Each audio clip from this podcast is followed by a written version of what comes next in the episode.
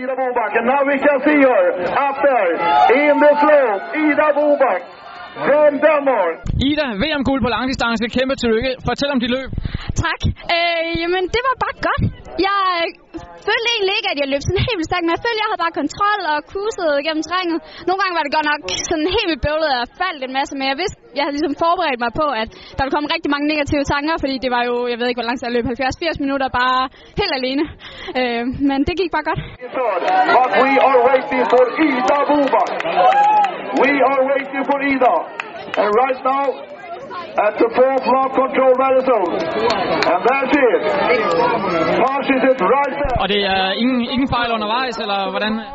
Nej, nej, jeg fik ligesom taget stoppene, når jeg blev i tvivl, så altså, jeg følte ikke altid, at det gik sådan mega hurtigt ind og ud af posterne, men det var bare sikkert, og det var det, det ligesom skulle være.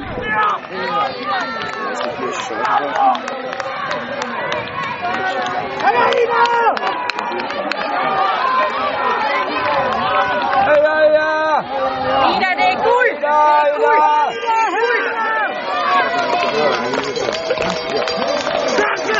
Fornemmer du derude, at øh, det er på vej mod guldet? Nej, egentlig ikke før til... Altså, dengang jeg kommer ud i det åbne lige til sidst, der kan jeg bare høre sådan stævnpladsen råbe, og en masse danskere, der råber, og eller råbte med, og jeg hørte, at jeg synes, det lød som om, det var noget med medalje, så jeg tænkte, okay, nu ligger jeg sikkert tæt, ej, nu må jeg virkelig bare give det sidste. Så er det fedt at se Søren i opløbet med flaget. Det var vildt fedt. Soon, eight minutes. So uh, right now we have number one. So it's a men's race. It is the top five from last year who are in the top five.